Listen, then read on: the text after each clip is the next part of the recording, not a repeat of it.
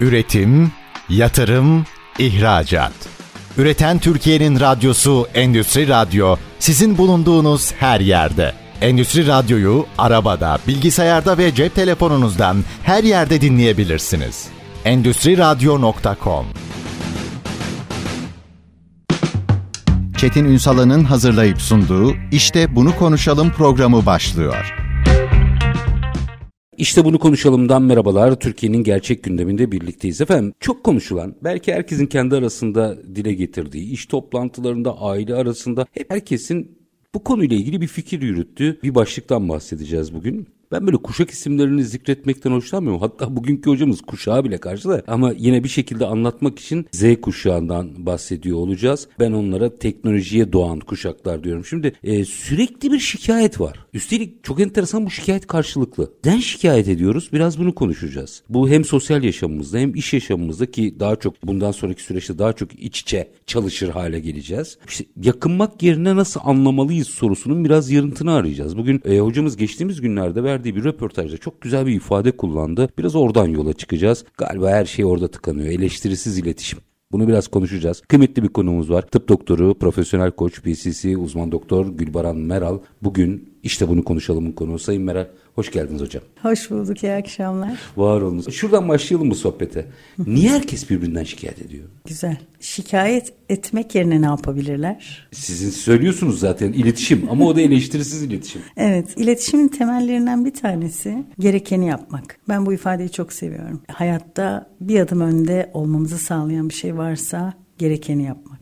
Herhangi bir konuda şikayet etmenin, savunmaya geçmenin, beklemenin, ertelemenin hiçbir faydası olmadığını biliyoruz. Oysa gerekeni yapanlar, gerekeni yaptığımızda bir adım öne geçtiğimizde çok açık görüyoruz. görüyoruz. Tabii. Bugün başarılı insanlar hep zamanında gerekeni yapmışlar. Gereken nedir? Bunu düşünüyor olmamız lazım herhangi bir konuda hayatta önümüze bir olay düştüğünde. Dolayısıyla eleştirisiz iletişim evet konuşacağız bugün özellikle. Gerekeni yapmakla başlayalım derim. Hocam e, şimdi gerekeni açayım mı o zaman? Hı hı. Şimdi herkes gerekeni kendine göre çekiştiriyor. Şimdi problem bu. Şimdi bir vaka vardır, sorun vardır. Ortak akılla bir çözüm bulunur. Bu gerekeni yapmaktır. Hı hı. Şimdi bence diye başlayan cümlelerin ötesine geçemiyoruz. Bravo. Bence, benim fikrim, bana göre dediğimiz her şey evet sadece bize göredir. Eleştirisiz dedik ya. Eleştiriyi açalım mı önce? Açalım bugünkü lütfen, konumuzda. ne olur. Eleştiriyi kim yapabilir? Eleştiriyi konuşulan konuda o işin profesyoneli yapabilir. Yani bir yemeği yorumlamak, bir tadım yapmak, o yemeğin tadıyla ilgili kendi kanaatimizi bildirmek ayrı bir şey. Ama bir yemeği oturup gerçekten eleştirmek o e, yemek konusundaki bir mutfak profesyonelinin işi olsa bir gerek. master şefin bir master şefin işi olsa gerek. Biz eleştiriyle yorum yapmayı, kendi kanaatimizi söylemeyi, kendi fikrimizi beyan etmeyi bir tutuyoruz bazen. Bizim her şeyi eleştirmeye hakkımız yok ancak o işin profesyoneliysek bazı konuları eleştirebiliriz. Onun dışında dediğiniz gibi bence bana göre yani bugün futbolu herkes konuşuyor, trafiği herkes konuşuyor, siyaseti herkes konuşuyor. Belki de bu kadar konuşmamalıyız. Herkes bu kadar fikrimizi rağmen sorun devam ediyor Evet, orada. bu kadar fikrimizi fütursuzca söylememeliyiz. Bunun yerine okumalıyız, araştırmalıyız. işin doğrusunu ve gerçek e, profesyonellerini dinlemeliyiz. Onların eleştirilerini dinlemeliyiz e, diye düşünüyorum. Rahmetli Uğur Mumcu derdi ya bilgisi olmadan fikri olmak e, bu çok büyük bir sıkıntı. Şimdi ama mesela yine diyorum ya kuşak isimlerinden hoşlanmıyorum ama bunu hı hı. belirtmek için söylemek zorundayım. Z kuşağı ile ilgili de herkesin bir fikri var. Fakat biz tanımıyoruz ki ya da tanıyor muyuz? Şimdi bunlara bir de uzaylı muamelesi yapıyoruz. Şimdi bunu şahs yani sosyal hayattan başladım ama daha sonra iş dünyasına getireceğim. Bunlar bizim çocuklarımız. Evet, çocuklarımız, torunlarımız, birlikte yaşadığımız ve yaşamak zorunda ve durumunda da olduğumuz kimseler. Uzaydan gelmediler. Evet. Biz doğurduk. Aynı evde de yaşıyoruz, aynı iş yerinde de yaşıyoruz. Ben bugünkü programımızda e, sizin de başta söylediğiniz gibi aslında kuşak ifadesini de bütünüyle reddeden bir yapıyla belki buraya oturdum. E, neden ayrıştırıyoruz? Niye bu tarihten sonra doğanlar, bu tarihle bu tarih arası doğanlar diye bir ayrıştırma yapıyor olalım? Hı hı. Neden? Bunun yerine yani bir ihtiyaç duymadan yaş, cinsiyet bakmaksızın, gözetmeksizin hep bir arada yaşayabilmeyi neden benimsemeyelim? Çünkü ayrıştırdığımız her şey ötekileştirdiğimiz şeydir. Sarışınlar, esmerler, gençler, yaşlılar, şu yıllar arasında doğanlar farkı şu var mı? burçlar, bu burçlar, bir de böyle Astroloji dilerseniz hiç girmeyelim. Çıktı Bilimsel temeli olmayan hiçbir şeyle uğraşmıyorum. Astronomiyle astrolojiyi bile karıştırdı. Onu karıştıran da var. Yine orada da bilgisi olmayanların fikri hatta geleceğimize dair tahminleri söz konusu. Onu da bütünüyle reddeden bir yapım var. Ben hekimim. Ee, her şeyden önce onu burada hani söylemek isterim. Ee, hekimler biz hekimler bilimsel çalışırız. Kanıta dayalı tıpla uğraşırız. Dolayısıyla e, tahminle, e, birinin fikriyle, olasılıkla e, hareket etmemeye çalışırız. Bazen bize hastalarımız da şunu söyler. Hastaya bir ilaç öneririz ya da bir tedavi şekli önerdiğimizde hasta aslında kendisine iyi gelen komşusunun tavsiyesiyle bizimle iddialaştığı da olur. Şimdi buna bir şey demeyeyim ama ya. Buna çok şey söylenebilir yani. Evet iddialaştığı da olur. Yine işte konu şeye geliyor. İşin profesyoneline güvenmek, kendimizi profesyonel hem eleştirilere hem yapılara teslim etmek. Haricinde de izleyici olmak. Dolayısıyla ben ayrıştırmayı söyleyecek olursak evet ayrıştırmayı bir kere uygun bulmuyorum. Çocukla çocuk, genç ile genç, yaşlı ile yaşlı olmayı, komşumla komşuluk etmeyi, iş yerinde çalışanla çalışan ve iş ilişkisini sürdürmeyi, herkesle kendiyle olan iletişimimi, ilişkimi o düzeyde götürmeyi tercih ediyorum. Bugün burada sizinle oturuyoruz. Sizinle şu masadaki ilişkimiz nedir? Siz programın yapımcı Programcı ve yöneticisi. Evet ben de konuğum. Herkes rolünü bilse kafi değil mi? Buradan çıktığımızda başka bir platformda başka bir iletişime geçiyor olabiliriz. Bazen statüler, egolar e, bunlar da devreye giriyor. Hafta sonu bir kamptaydım. Orada da bir konuşmam vardı. Şöyle bir soru geldi. Egolarımızı nasıl yeneriz? Hele ki bunu kampta sordular. Yani çadırını karavanına almış gitmiş insanlar orada neyin egosunu yapıyor olabiliriz ki? Buyurun. Demek ki bununla karşı karşıya kalmış kişiler ki bu soruyu sordular. E, Orada verdiğim yanıt da şu oldu. Mesleklerimizden ayrılalım. Yani bu kampa geldiğimizde amacımız tatil yapmak, dinlenmek, eğlenmek, biri olmak, statülerimizden, mesleklerimizden, evimizden, malımızdan, mülkümüzden, paramızdan, her şeyimizden sıyrılıp sadece şurada doğada birkaç gün, birkaç saat geçireceğiz. Ee, oranın hakkını verelim. Apoletleri mi bırakamıyoruz hocam? Evet yani statü de aslında bir ayrıştırma ve ötekileştirme ya. Ee, iletişimde zaman, mekan yani sadece kişi değil. O kişiyle olan konu münasebet değil. Zaman ve mekan da çok etkili. Ee, kamptasınız. Apoletleri kenara koyacaksınız. Sadece kampçılık yapacaksınız. Oradaki diğer çadırdaki insanlarla ya da işte karavandaki insanlarla.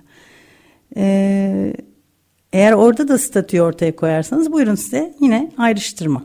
Ayrıştırma yaptığınız anda iletişim zaten 1-0 zedeleniyor. Bunu biraz açalım mı? Hocam şimdi şurada ben gazeteciyim Çetin Ünsalan. Ben buradan çıktığım anda Çetin'im. Bunu yapamıyoruz. Gazeteci Çetin Ünsalan gibi yaşamaya devam... Niye ben Çetin olamıyorum? Çünkü niye? Bunu şu açıdan açmanızı rica edeceğim. Aynı şeyi biz şimdi şimdi iş piyasasına gelen çocuklara da dayatıyoruz. Ama onlar başka bir dünyada yani evet burada iş var bunu yapalım. Herkesin eksiği fazlası vardır. Kastettiğim o değil. Halı sahaya gidelim bizim müdür müdür olarak geliyor. Bir dakika sen müdürlük şirketteydi. Bunu niye bırakamıyoruz? Aidiyet arzusu özellikle iş yerlerinin de yine yüklediği, kişilere yüklediği bazı anlamlar var. Büyüklerimizin sözleri var. Hani koltuğunu bıraktığında aslında bir hiç olmamalısın. Seni o koltuk var ediyorsa o koltuktan kalktığında bir hiç oluyorsun. Bunun olmaması için de koltuk haricinde de bir karakterin ortaya koyduğun bir şey olması gerekiyor. Belki de bugün en çok iş yerinde, kişisel gelişim eğitimlerinde, programlarında bunu veriyor olmalıyız. Ben geçtiğimiz günlerde sosyal medyadan bir anket açtım. E, iş insanlarının olduğu sosyal medyada. Bilmiyorum ismini söyleriz belki. Anlaşıldı o. Tamam. Rütük sıkıntı yaratmasın. Herkes Ee, anladı. Orada açtığım ankette şunu sordum. İnsanların terfileri ve iş değiştirmelerinin hangisi daha çok tebrik ediliyor, nasıl tebrik ediliyor diye bir soru açtım. Çok güzel. Örneğin bir kişi mevcut iş yerinde müdür yardımcısıyken işte müdür oluyor ya da direktör oluyor. Yani aynı iş yerinde bir terfi alıyor. Ya da bir şirketten başka bir şirkete transfer oluyor. Ya da ayrılıyor, kendi iş yerini kuruyor gibi üç seçenek olduğunu düşünün. Kendi iş yerini kuran mı? Aynı şirkette terfi alan mı? Yoksa Ben bunu şu an size de soruyorum. Yoksa başka bir şirkete transfer olan mı sizce? En çok tebriği, işte alkışı, like'ı, beğeni alıyordur. Bunu hem fikrimi hem de... Ben e, gözlerini tabii paylaştım. Hem fikrimi hem de size Hı-hı. gelen yanıtların detaylarını kısa bir araya gideceğim. Tamam. Reklamlardan sonra alacağım. Efendim gerçekten en çok hangi tebrik alıyordur? Bunu biraz konuşalım. Bakın Hı-hı. bunları aşamazsak karşınızdaki Y olmuş, Z olmuş, X neyse işte çok önemli değil. Biz burada iletişimi doğru kuramıyoruz. Bu tebrik meselesi ilginç. Bunu açacağız. Evet. Tıp doktoru, profesyonel koç, PCC uzman doktor Gülbaran Meral bugün konuğumuz kısa bir ara. Aranın ardından işte bunu konuşalım diyeceğiz.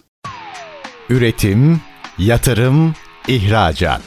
Üreten Türkiye'nin radyosu Endüstri Radyo sizin bulunduğunuz her yerde. Endüstri Radyo'yu arabada, bilgisayarda ve cep telefonunuzdan her yerde dinleyebilirsiniz. Endüstri Radyo.com Kısa bir aranın ardından işte bunu konuşalım devam ediyor efendim. Yeni jenerasyonun iş hayatına toplumda daha etkin olmaya başlamasıyla birlikte oluşan çatışmalarda aslında iletişim dilini kurmayı, eleştirisiz iletişimi konuşuyoruz. Tıp doktoru, profesyonel koç, PCC uzman doktor Gülbaran Meral bizlerle birlikte. Sayın Meral araya gitmeden önce sosyal medya, iş sosyal, business sosyal medya üzerinden yaptığınız bir anketten bahsettiniz. Anketi lütfen bir daha hatırlatın. Ankette şunu sordum. İnsanlar iş değiştirdiklerinde mi yoksa aynı iş yerinde terfi alıp yeni bir pozisyona başladıklarında mı? Yoksa tamamen işinden ayrılıp kendi işini kurduğunda mı daha çok beğeni alıyor. Ben gözlemimi paylaşmak üzere sordum. Bu ankete çoğunlukla insanlar kendi işini kurduğunda daha çok beğeni alacağını işaretlediler. Tabii buna katılmadığımı söyledim. Burada işaretlenen oydu ama realde dikkatimi çeken bir çalışma çalıştığınız bir iş yerinden başka bir iş yerine hele bir de o iş yeri iyi bir marka sektöründe önde gelen bir yerse daha çok beğeni aldığı yönündeydi. Dolayısıyla bir kişinin kendi işini kurması onu bağlıyordu ama iyi bir markada işe girebilmesi ona bir statü kazandırıyordu gibi bir gözlemim olmuştu. Halbuki diğeri daha üretici değil midir? Bir yola çıkmıştır, evet, projesi vardır. Evet, girişimci yeni bir adım atmış, bir proje ortaya koymaya çalışmış. Bizim onu destekliyor olmamız lazım. Hani kuşakları konuşacağız ya. Buyurun iş hayatında bile birinin heyecanını desteklemiyor olduğumuzu orada anlatmaya çalıştım. E, dediğim gibi bu benim gözlemim. Tabii. Sosyal medyada bir video vardı bir kahve dükkanı açıyor e, bir hanımefendi. Açtığı gün kapının önünde sıra, kuyruklar, insanlar kahve alıyor ilk gün ve hepsi onun dostu, eşi dostu tanıdığı kahve almaya gelmiş. İlk gün destek oluyor. Biz bu ülkede belki de bunu yapamıyoruz. Ya, Eleştirimizden yapılırdı. Çok yapılırdı. Bu esnaf ilk alışverişinden sonra yandaki esnaftan ikinci şeyi almaya Tabii. yönlendirirdi müşteri. Hani ben bugün siftah yaptım bir de git yandaki arkadaşım bugün kazansın derdi. İş hayatında maalesef rekabet ve burada da yine eleştirel bakış birinin kurduğu işi, girişimciliği her zaman desteklemediğimizi söyleyebilirim. Genç arkadaşlarımız bazen girişimcilik örneği gösteriyorlar. Bundan 20 yıl sonra, 30 yıl sonra bir hikayeleri olacak. Ben şu zorluklarla şunu şunu kurdum diye anlatıyor olacaklar ama bugün daha yolun başındayken aynı desteği görmediklerine eminim. İleride o hikayeyi anlattıkları yıllarda desteği görmediklerini de onlar da zannediyorum yazacaklar kitaplarında. Hocam, bunun gerçekleşmişi var aslında. Bugün hani biraz Hı-hı. unicorn olan startupların ilk hikayelerine baktığımızda evet. herkes ya bırak bu işleri falan demiş. Şimdi Destek işte, görmemişler. Tabii tabii yani denmiş ama bugün ya herkes onları örnek göstererek bir startup ekosistemi yaratmaya çalışıyor. Aynen öyle. Çok Soru genç şu, arkadaşlarımız. Onların hepsi bahsettiğimiz kuşak biz startup ekosistemini güçlendirmeyiz diye bağırırken gerçekten yeni bir startup'a aynı kredibiliteyi açıyor muyuz? O zaman bir sıkıntı var bizde. E, sıkıntının ben zaten bizde olduğunu düşünüyorum. Kendi çocuklarımızı desteklemediğimizi. Yeni teknolojiye, bilime yani yapay zekanın bu kadar aklımızın almayacağı ölçüde ilerlediği bir döneme e, doğan çocukların bizim halen eski kafa, bizim dediğimiz olsunculuğu sürdürüyor olmamızı eleştiriyorum zaten. Onlardan öğreneceğimiz çok şey var. Hatta Müsaade edelim yürüsünler. Bir de onlardan görelim. Tersine mentörlük diyoruz. Genç arkadaşlarımızın yapamadığı şey yapabildiği yani çok yüksek düzeyde yaptığı e-ticaret, e-ihracatı eski firmalar daha yeni yeni belki yapmaya başladılar. Yine iş yerine o genç arkadaşları alarak e-ticaret departmanlarına Değil mi? Yani büyük bir firma yıllar önce kurulmuş ama e-ticareti yine onlardan öğrenerek o departmanları onlarla kurarak ilerlettiler. Doğru bir iletişim değil. Yani mesela onlar niye farklı geliyor bize? Bir de dönüşüm madem bir dönüşümden bahsediyoruz. Neyi farklılaştırmamız lazım? Ya çünkü birlikte çalışacağız. Çalışmazsanız o sizin müşteriniz bu arada. Hani ona bir şey satmak durumundasınız. Yani onları her halükarda anlamak durumundayız. Ama ben onları anlamaktan bahsetmiyorum. Birbirimizi anlamayı nasıl becereceğiz? Birbirimizi anlamanın yolu birbirimizi dinlemek. Biz hep konuşmayı, kendi fikrimizi söylemeyi, kendimi düzeltmeyi iyi bir iletişim aracı olarak görüyorum. Hı hı. Öyle diyoruz. Yani biz kendimizi düzeltmeye hani güya odaklanıyoruz. Oysa kendi konuştuğum kelimenin cümlenin haricinde karşıdaki konuşmayı da iyi anlıyor olmam lazım. Dolayısıyla dinlemem lazım. Dinlediğimde bir kişinin ağzından çıkan söz onun kendi düşüncesidir. Benim nasıl ki söylediğim söz benim düşüncemse. E, dolayısıyla karşımdakinin telaffuz ettiği kelimeleri, cümleleri takip ederek onun düşüncesi hakkında bir fikrim olur. Bizim örneğin ben danışan görüyorum. Benim danışan da e, hani yetişkin kategoride sayalım yine 15 yaş üstü gibi hı hı. düşünürsek şu yaşın altında bu yaşın üstünde danışan kabul etmiyorum ya da hasta kabul etmiyorum hekim olarak deme durumum var mı? Hayır hekim olarak zaten. Keza yüksekokulda akademisyenim derse giriyorum genç arkadaşlarımıza. E, bu arkadaşlarla iletişim kuramıyorum bunlara ders vermiyorum gibi bir kavramım söz konusu mu? Değil. Onları dinlemek durumundayım.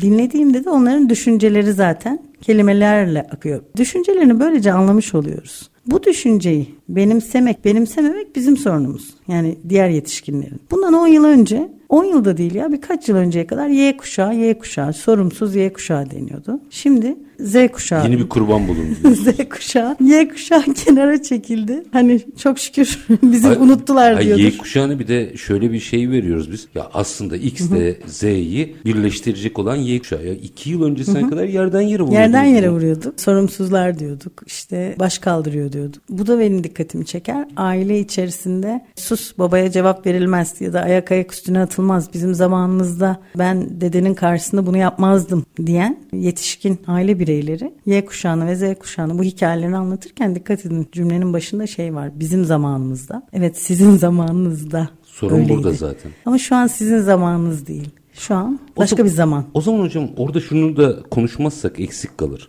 Şimdi e, orada bir fikrin gelişebilmesi ya da insanların fikrini söyleyebilmesi bu aile içinde, iş yeri içinde geçerli. Söyleyebilmesi başka bir şey. Bunu nezaketle söyleyebilmesi başka bir şey.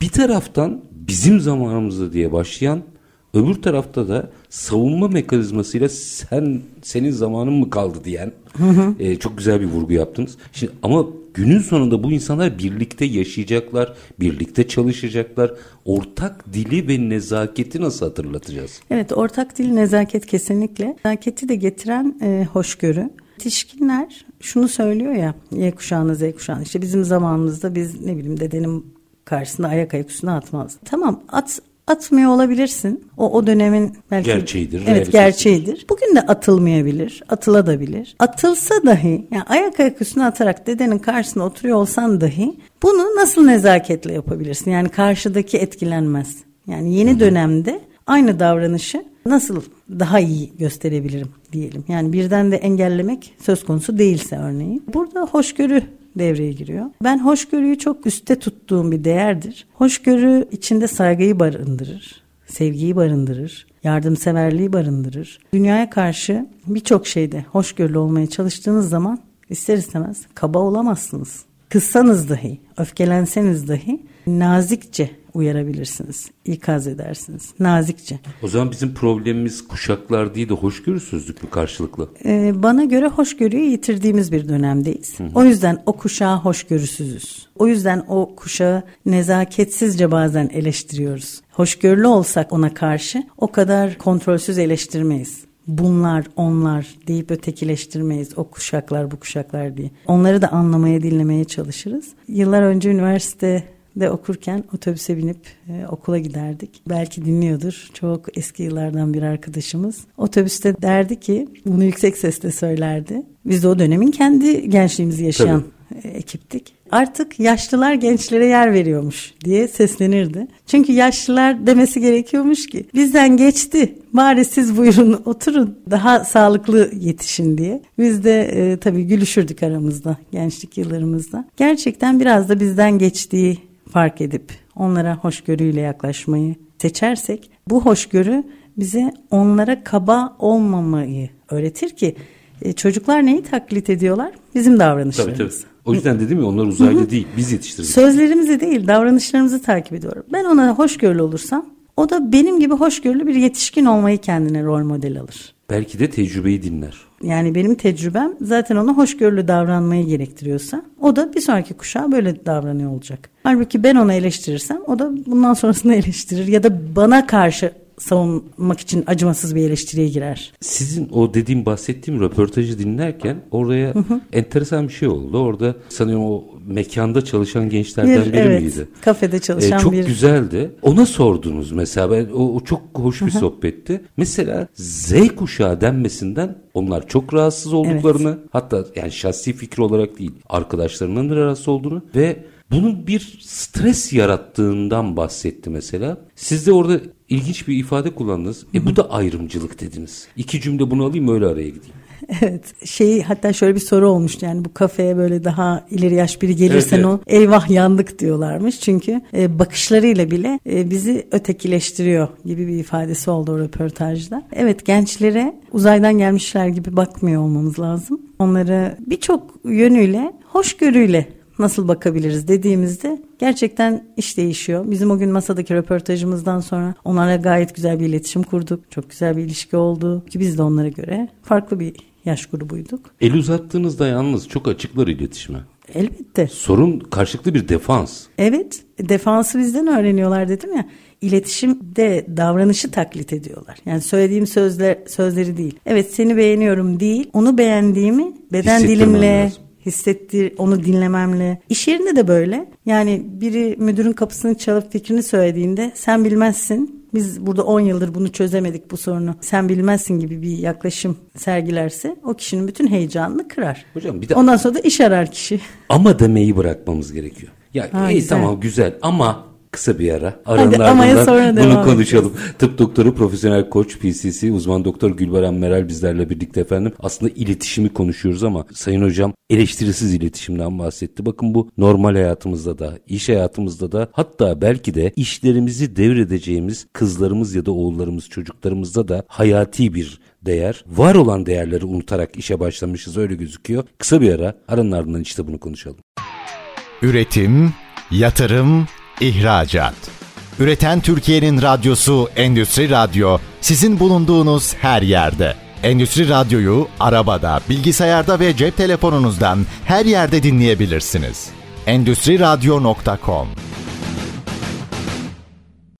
Kısa bir aranın ardından işte bunu konuşalım demeye devam ediyoruz. Konuğumuz tıp doktoru, profesyonel koç, PCC uzman doktor Gülbaran Meral. Amay'da kaldık bir şekilde diyoruz ki fikrini söylüyor. Bu evde olabilir, okulda olabilir, iş hayatında olabilir. Dinliyoruz, dinlemiyoruz daha doğrusu sırayı bekliyoruz. Sonra da hmm, evet ama diye başlayan cümleler. Amanın devamını size bırakayım. Evet iş hayatında tam konuşuyorduk araya girdiğimizde. Kişi işe başlamış müthiş bir heyecanla fikrini söylemek istiyor, bir projesini getirmek istiyor. Ne dedik iletişimde evet dinlemek önemli dinliyormuş gibi yapan sonra da dinledikten sonra ama diyen yöneticinin verdiği mesaj şu. Biz biliyoruz ki bir cümlenin içinde ama varsa amadan önceki kısım iptal edilmiş demektir. Evet seni dinledim güzel bir, bir proje ama e, şu anda buna bütçe ayıramayız dediğinde aslında amadan önceki güzel projeyi de zaten kabul etmiyorum demek. Yoksa güzel bir proje olsaydı sanki bütçe ayırabilirdik gibi bir mesaj da hmm. vermiş oluyor ve şevki kırılıyor. Yine günümüzde çokça konuşulan iş hayatında sessiz istifalar. Sessiz istifaların çoğunun nedeni tam da burası. Kişinin iş hayatına girdiğinde dinlenmiyor olduğunu anlaması, değer görmüyor olduğunu anlaması, amalarla mücadelesi, eleştirel bir kuşak farkı önüne konması. Bu gibi durumlarda kişiler iş değiştiriyor. Bugün Z kuşağı dediğimiz, Y kuşağı dediğimiz kişilerin sıkça iş değiştirdiğini de eleştiriyoruz değil mi? Şimdi bakalım bir kişi nasıl istifa ediyor? Geliyor diyor ki insan kaynaklarına dilekçesini yazıyor. Ben istifa ediyorum. Aa nereye gidiyorsun? Bir dakika daha yeni başlamıştın. 6 ay oldu ya da işte 8 ay oldu. Ee, daha iyi bir teklif al. Yani nasıl 20 küsur yaşında bir insan bu kadar çabuk daha iyi bir teklif alıyor. Diğerleri bir yerleri tırmalarken işte yıllarını bu işe vermişken. Dikkat edin çok daha kolay iş buluyorlar değil doğru, mi? Doğru. Bir de bir de kolay iş buluyorlar. Peki nasıl oluyor? Aslında o dilekçeyi verdiği günden çok çok öncesine dayanıyor bu süreç. İletişim kazası yaşandığında, bir yöneticisinden değer görmediğini hissettiğinde, e, o iş yerinde huzur bulmadı, bulmadığını ya da bulmayacağını ikna olduğunda iş aramaya başlıyor. Kafasında çizmiş oluyor yani. Yani çok aylar Sessiz önce bitmiş falan. oluyor. Evet bitmiş oluyor konu. Ve iş aramaya başlıyor. İş aramasıyla birlikte belki bir ay, iki ay, üç ay sürebiliyor. Ve bir iş buluyor. Bulduktan sonra gelip dilekçe veriyor. Şimdi o gün istifa etmedi bu. Üç ay önce, dört ay önce istifa Ve neredeydin? Evet o arayı fark etmeyen yöneticiler yani Y kuşağını Z kuşağını eleştiren yöneticiler sessiz istifalardan neredeyse tamamen sorumludurlar. Günümüzde hep bu konuşuluyor. Yapılan çalışmalar da bunu gösteriyor. O yüzden iyi dinlemek iş işten geçtikten sonra hani anlaşıldı kıymeti bugün baktığımızda. Bir de dikkat ettiyseniz son dönemde herkes üniversite mezunu. Yani 2 yıl ya da 4 yıl ön lisans lisans programlarından e, zanaat sahibi e, çocuklar yani bir meslek sahibi, bir e, meslek erbabı değil de e, bir şekilde bir diploma sahibiler. Çok güzel bir tanım. Yani terzi yetişmiyor. Hatta şöyle söyleyeyim aşçı ve terzi hani böyle babadan oğula geçen mesleklerken onlar bile o kullandı ya. Onlar bile o kullandı. Bugün şef olmak için de işte aşçılık okuluna gidiyorsunuz. Modacı olmak için tasarım okuluna. Evet o kullanmak güzel ama bir yandan da herkes okullu olunca yine eleştirdiğimiz bir şey. Bugün iş beğenmiyor olmaları değil mi? Çünkü okullu olmak bir statüydü. Hocam orada şunu açarsanız sevinirim. İş mi beğenmiyorlar yoksa mesela biz çocukları şeyi hatırlıyorum ben yani çok yakın zamana kadar tabii esnafın da gücü kalmadığı için bunun da etkisi var ama mahallede esnafın yanında böyle takılırdı çocuk. Orada bir sırf para meselesi değildi. Para Orada değildi. bir terbiye, kültür, Terbiye, iş hayatı falan öğrensin. Eğitimdi yani aslında o. Sonra şimdi çocuğunu esnafa götürmüyor, götürürse de kaç para vereceksin diye sormaya başlıyor. Yani o zaman biz bazı değerleri unuttuk. O çocuk da gittiğinde farklı bakıyor olaya. Şimdi gençlerimizi yetiştirirken onları kendilerini değerli hissetmeleri için, onların da yaşamdan başarmanın hazzını tadabilmeleri için önlerine bir şey koymamız lazım.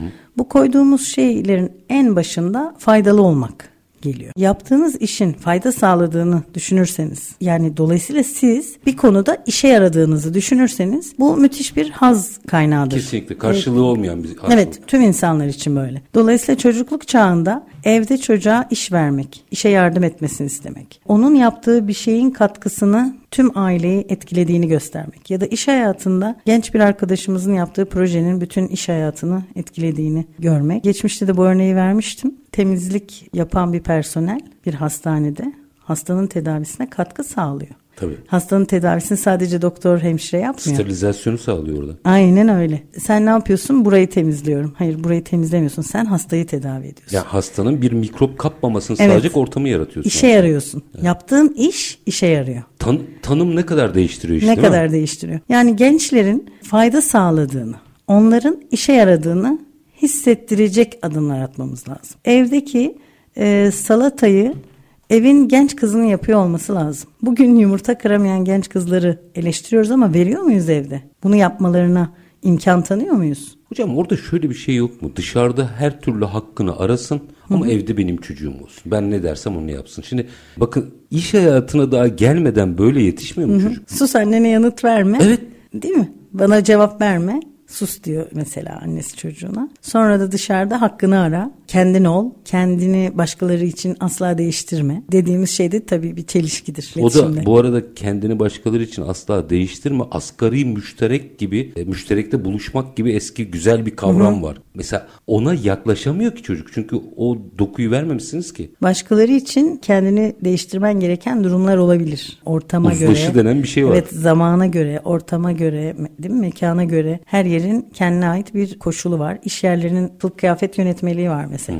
O kılık kıyafet düzeni tamamen değişti. Tabii, tamamen tabii. değişti. İş Cumalarla başladı. Şimdi tamamen serbeste döndü.